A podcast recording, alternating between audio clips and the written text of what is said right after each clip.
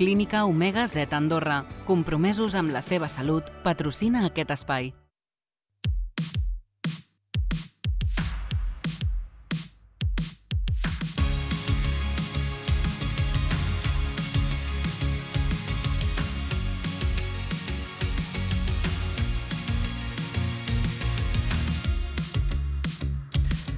Sempre us ho explico d'aquesta manera, estem ja a la darrera hora de l'Avui serà un bon dia, sempre us explico que el programa tenim molta sort que ve gent a ajudar-nos a fer-lo millor.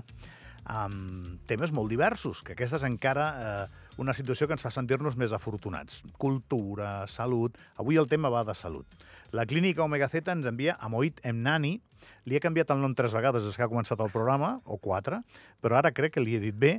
El Moit és dietista. Moit, bon dia. Molt bon dia. Moit Emnani. Sí, exacte. T'he dit Mohad Genhari, Nehoni Nani... Bueno, ho sento, company, de veritat que no. Cap problema. No, t'he dit més o menys bé, però... Has he, dit bé, és l'H, has pronunciat l'H, no? Que vegades, sí. Això mateix, l'H l'he fet sonora i no, no ho és. Moit Emnani. Quin és l'origen del nom, Moit? O sigui, la meva mare i els meus pares són de la Índia. Jo vaig néixer aquí a Andorra i això, el meu avi va ser el primer hindú que va arribar aquí a Andorra. El primer? Sí. Ai, que xulo. Sí aquesta immigració que han tingut tantes botigues històricament. Sí, exactament. exactament. Sí? De què sí. era? D'electrònica també? Electrònica era. És el que va començar amb la, amb, amb la botiga electrònica i de més. Algun dia he de fer un tema d'això. Estàs pues, d'acord o no? Perfecte. Per què tanta gent que venia de la Índia va obrir una botiga d'electrònica? O sigui, per què no la van obrir d'una altra cosa? Jo, això no, no, és veritat, mai m'he fet aquesta pregunta, no? Ja. Jo Però això és un altre tema. Me l'estic fent ara mateix. Bé, tu ets de la generació que, que és fruit de l'arrelament d'aquestes famílies. Conec un munt conec un munt de, de gent com tu, al final, i tu tindràs fills i seguirem amb això, que, que és molt xulo i que m'encanta. Bé, però ell és dietista i ha vingut a parlar-me del meu fetge i del teu. Sí, uh, sí, sí ja que m'escoltes. I del teu, porcuna. Tu també tens un fetge. O sigui, la gent com tu també té fetge. eh, què hem de fer amb el fetge? Perquè vens, vens a fer-nos reflexionar que igual marxaràs i ens deixaràs arruïnar de la vida. No, no, la veritat és que jo penso que és un... Jo de primeres sempre m'agrada recordar a la gent que el fetge és el gran filtrador que està oblidat avui en dia.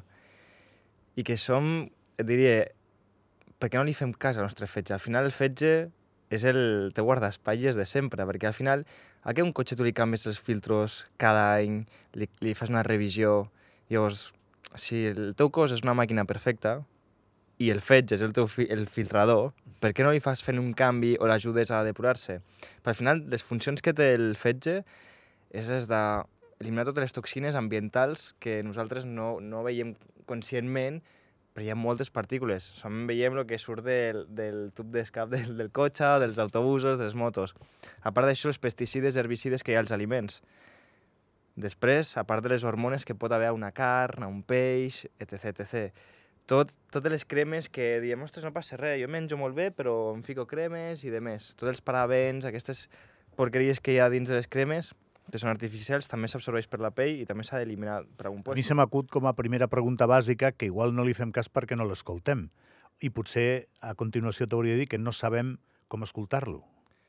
Exactament. Dona, és I més, ja pot ser la inflamació a una enfermetat o sintomatologia que tinguis, que pot ser des de... sempre pot ser relacionat amb un colon irritable, una enfermetat de Crohn, hi ha sobrepès, eh, la pell més atòpica, dermatitis... Tots aquests signes, sobretot quan són símptomes de pell, ja pots saber que és un símptoma de fetge. Si ets una persona, m'agrada molt la consulta, recorda a la gent que som sers molt sensibles i emocionals. No ens han ensenyat a gestionar bé les emocions. Segons la medicina tradicional xinesa, de la Ayurveda, de la Índia també, les emocions com la ràbia, la ira, el, el, el, ho direm en castellà, l'enojo, la frustració... L'anuig. L'anuig, això. Es guarden molt al fetge.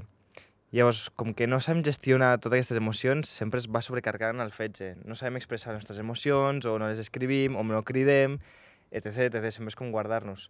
Llavors, ja som amb aquest factor, i més amb el que t'he dit, depenent com està la persona amb l'alimentació, si, fa, si té un estil de vida saludable, si es mou o no, ja podem saber si té el fetge sobrecarregat. Després hi ha analítiques que són més concretes per saber si, si va bé o no. Ja, però això sí. ja, per exemple, és fer la foto, no? Si vas al metge, llavors ja saps com estàs. Sí. Però a mi m'interessa molt el concepte sobre el que flotaves tu a l'inici de hem d'escoltar-lo, no? Bé, això no, no només xequejar-lo... No, hem d'escoltar-lo. I al final hi ha sentit comú, i hem d'anar més enllà de les analítiques, perquè hi ha, hi ha vegades les analítiques no es mira el que s'hauria de mirar, per desgràcia, jo sempre dic que el sistema sanitari l'hem de canviar, que està molt mal fet, i, i llavors ja per sintomatologia, ja en si que no tinguis els paràmetres malament de les analítiques, fes-li un favor, al final que et dic. També és un, un òrgan on, on, on elimina, tot, bueno, elimina els estrògens, la testosterona, que són hormones femenines masculines, de l'estrès, eh, el cortisol, per exemple, l'adrenalina, la, noradrenalina. Avui en dia anem inflamats per la societat. Anem amb un estrès que no sabem ni on estem. Jo me recordo de... Tot això va al fetge, no? És un dels factors, sí, exactament. Perdona que t'interrompo. Jo me'n recordo, de, deies... Digues? No, deies, jo no, me'n recordo... recordo... és que és una de les coses que ho tenim molt integrat aquí l'estrès, però me'n recordo un moment que vaig estar a Maldives i estava amb la gent d'allà, que m'agrada molt integrar-me a, a, a la cultura dels països i amb la gent, i li deia, you don't have stress, no? No tens estrès. I em diu, what is stress, saps? I em vaig quedar... A les Maldives no tenen estrès. No tenen estrès aquesta per, gent. Per què no tenen estrès a les Maldives? És per estil de vida que tenen i com es prenen les coses. Per aquí sempre tot és, tot ho ja. Vas a, tens un jefe el que sigui, una jefa, ho ja. Ja no és per de avui, sinó per ahir. Tot és un, un ritme accelerat. I això fa que sigui incoherent amb el nostre ritme circadià i els nostres ritmes. I tu, I no, te, això... tu no tens estrès? Jo tinc, però és... Hi ha moments que tinc estrès. Llavors, quan veig que tinc molt d'estrès, és, és directament pues, fer esport, meditació, hi ha moltes coses avui en dia, el yoga, la respiració, que no sabem respirar. Solen amb la respiració ja podríem lidiar també molt amb el tema de l'estrès. Després, quan mengem, pues, com dius, avui en dia es diu el, el concepte modern de mindfulness eating, però jo diria, és ficar plena consciència amb el que estàs menjant. No estiguis amb el mòbil, que si la notificació, que si la tele, que si... Ostres, no, quan estàs menjant, estàs menjant. Quan estic amb tu parlant, estic amb tu i quan estàs estimant, estima, no? És, és agafar plena consciència. I això farà que el teu estrès, l'ansietat també disminueixi. Clar que tots tenim estrès perquè hi ha moments que no pots canviar les coses de fora, sinó com t'afecten aquestes coses, no? Tu, per exemple, sí. si has de fer un nombre de pacients, um, n'absorbeixes més? Uh, pares? Ja m'entens, eh? És què, dir, què vols dir?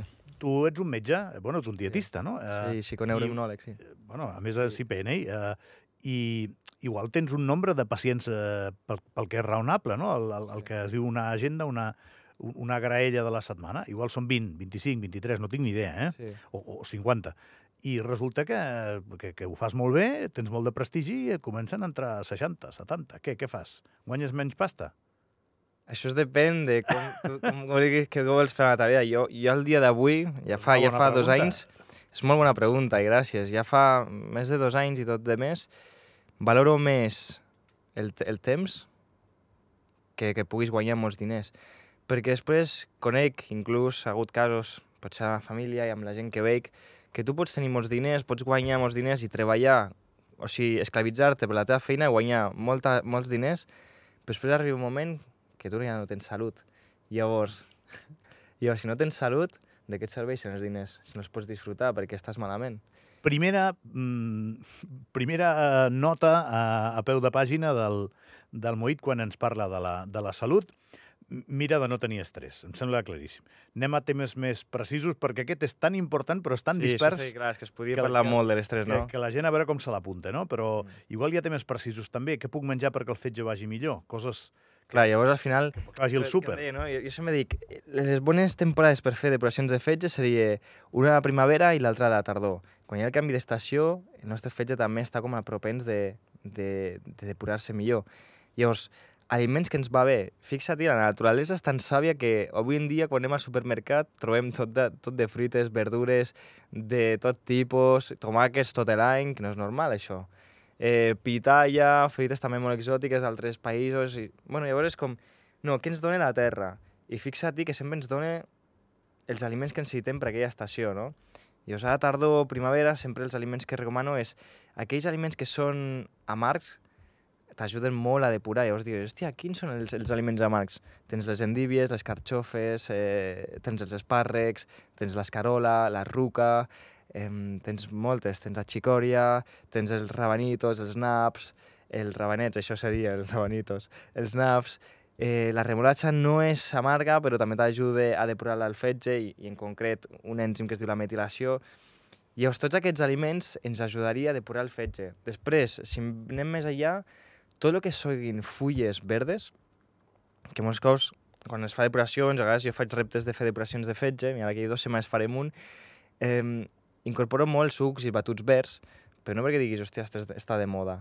Però al final, la importància que té el color verd, si t'hi fixes a la naturalesa, és de color verd, és com el color d'esperança, és, és un color que ens agrada a tots, és molt ric amb clorofila. La clorofila al final és com si agafessis tota l'energia solar i la fiquessis dins d'aquestes fulles. I tu aquesta energia te l'estàs menjant. Va? Això a nivell energètic. Però és per la diferència que, entra, que hi ha en la, en, bueno, la, molecularment entre la clorofila i la hemoglobina, és solament que la hemoglobina és molt rica en ferro i la clorofila és molt rica en magnesi. Llavors, a part d'això que ens fa és la clorofila, a part de depurar-nos tot l'organisme, desinflamar-nos, matar bactèries, fongs, virus, el que ens fa és oxigenar-nos tota la nostra sang. I si ens oxigena tota la nostra sang, ens ajuda a estar molt més vitals i ajuda molt a depurar aquest fetge i que totes les hormones també vagin al seu puesto, no? Llavors, mm, recomanaria a tota la gent que ens està escoltant que mengin aliments de color verd, sobretot, que facin bones amanides, pot ser una crema de bròcoli, el bròcoli, les famílies de les crucíferes, va molt bé perquè és molt ric en indol, que és un component que té, eh, que també ens ajuda molt a depurar el fetge.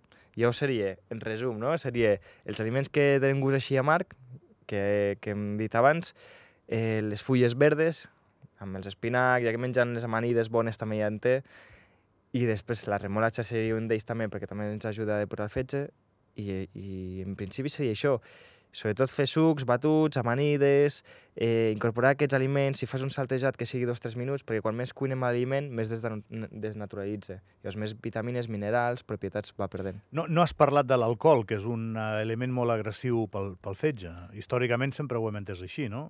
Sí, al final, clar, és que al final l'alcohol, el tabac, els medicaments, si no fos pel nostre fetge, ens, ens, en, podríem beure una copa de vi o un altre alcohol més enllà que un distil·lat, per exemple, no? Sí. O si ens prenguéssim un antibiòtic, si no fos pel nostre fetge, ens mataria el moment. O ens mataria poc després. Perquè al final el que fa el fetge és agafar el component que és tòxic, l'agafa perquè no ens mati, i l'altra pues, la va alliberant, com, com amb un antibiòtic, per exemple. És com, vale, em prenc un antibiòtic ja, però no ens, no, no ens prenguem els antibiòtics com a la lleugera. Per això una persona que es posa malalta i acaba tenint una errada multiorgànica d'aquestes, sí, el moment en el que es diu que no hi ha esperança és quan el fetge se li, sí, se li, comença, se li és, comença a girar. És que és un gran òrgan mestre, no? També t'ajuda a filtrar tota la sang, a netejar-te-la. I ostres, fem més cuidado del nostre fetge. I, I si volem reduir tota la inflamació, no hi ha solament suficient amb tema dels budells, que ja parlaré la setmana que ve, que parlarem de psiconeurologia, però, ostres, cuida el teu fetge, que és el teu gran òrgan. Has dit dues coses molt interessants. La, la primera, la de l'estrès. Sí. no, que jo crec que ens l'hem d'apuntar tots, eh? Sí, per ja. molt que et doni una persona amb coneixements científics, com és el cas del Moit, eh, consells precisos a l'entorn de l'alimentació i de costums que has d'adoptar per tenir millor salut, hi ha un que depèn molt de, de com tu estiguis afrontant el teu dia a dia i com et genera això una tensió que després els òrgans paguen. I després, i ara et faré riure, hi ha algú ara mateix, quan t'ha escoltat, que s'ha anat a comprar pintura comestible per pintar-se de verd les hamburgueses, perquè com que has dit que mengin coses verdes, es pintaran de verd els McNuggets i les hamburgueses. I ja diran, pum, ja està. Ja està, ja, ja estic menjant verd, eh? Ja, ja em cuido, que també hi ha pintura comestible, seguríssim, no? Però bé, em sembla molt interessant i sobretot em sembla que no coneixia el Moït, l'he conegut ara fa una estoneta, hi ha gent que t'explica les coses amb aquesta mirada, amb aquest somriure, Clar, tu no intentes només explicar-me una teoria, tu el que m'estàs intentant és convèncer. No, és, és veritat. No, al final eh, no és de convèncer, sinó des de sí, la... Sí, que ho és, sí bueno, que ho és, sí. I està sí, bé que sigui així. Sí, però al final és inspirar la gent i que pre... fer agafar, prendre consciència a les persones, no? Des de l'experiència que he tingut amb consulta fins al dia d'avui, fins a experimentar amb mi. Al final jo he sigut, el, com diria, la millor persona per experimentar a mi mateix. Llavors, a experimentar-ho a mi mateix, veure els beneficis, jo es puc saber 100% més que un estudi científic de que funcionen, perquè m'ha anat molt bé a mi. Llavors, a partir d'aquí, sí que et vull convèncer i dir, ostres, que funciona, saps? en sóc un exemple vivent, no? Que, sí, que exacte, diu... exacte. És més, abans de començar la, l'entrevista li deia al Moït, diu, hosti, tens bona pinta, tens pinta atlètica, no? I veu que el tio es cuida, fa esport, i després m'ha dit, home, és que no quedaria gaire bé un dietista que tingués mala pinta. Dic, totalment d'acord, totalment d'acord, absolutament d'acord. Escolta, que la clínica Omega Z ens porta sempre aquesta secció de coneixement i de bons costums, de bons hàbits. Eh, avui era d'alimentació, altres dies va d'altres sí. coses, i que molt agraïts que, que vingueu, Moit. Molt de gust, i, moltes gràcies. I encantat de conèixer-te. Igualment. Que vagi molt bé. Ens hem deixat un forat ben gros avui, no, no, no és un forat ben bé, perquè ens hem deixat una part molt important de la darrera hora per fer tertúlia esportiva. Habitualment ho resolem en un quart d'hora 20 minuts. Avui deixem això així perquè vinguin periodistes dels que estan sobre el terreny, en primeríssima línia de la informació esportiva, a parlar del que es pot resumir com lo del Piqué. Vale? A parlar de lo del Piqué, i ja sabeu per on va la cosa. D'aquí un momentet. Clínica Omega Z Andorra, compromesos amb la seva salut, patrocina aquest espai.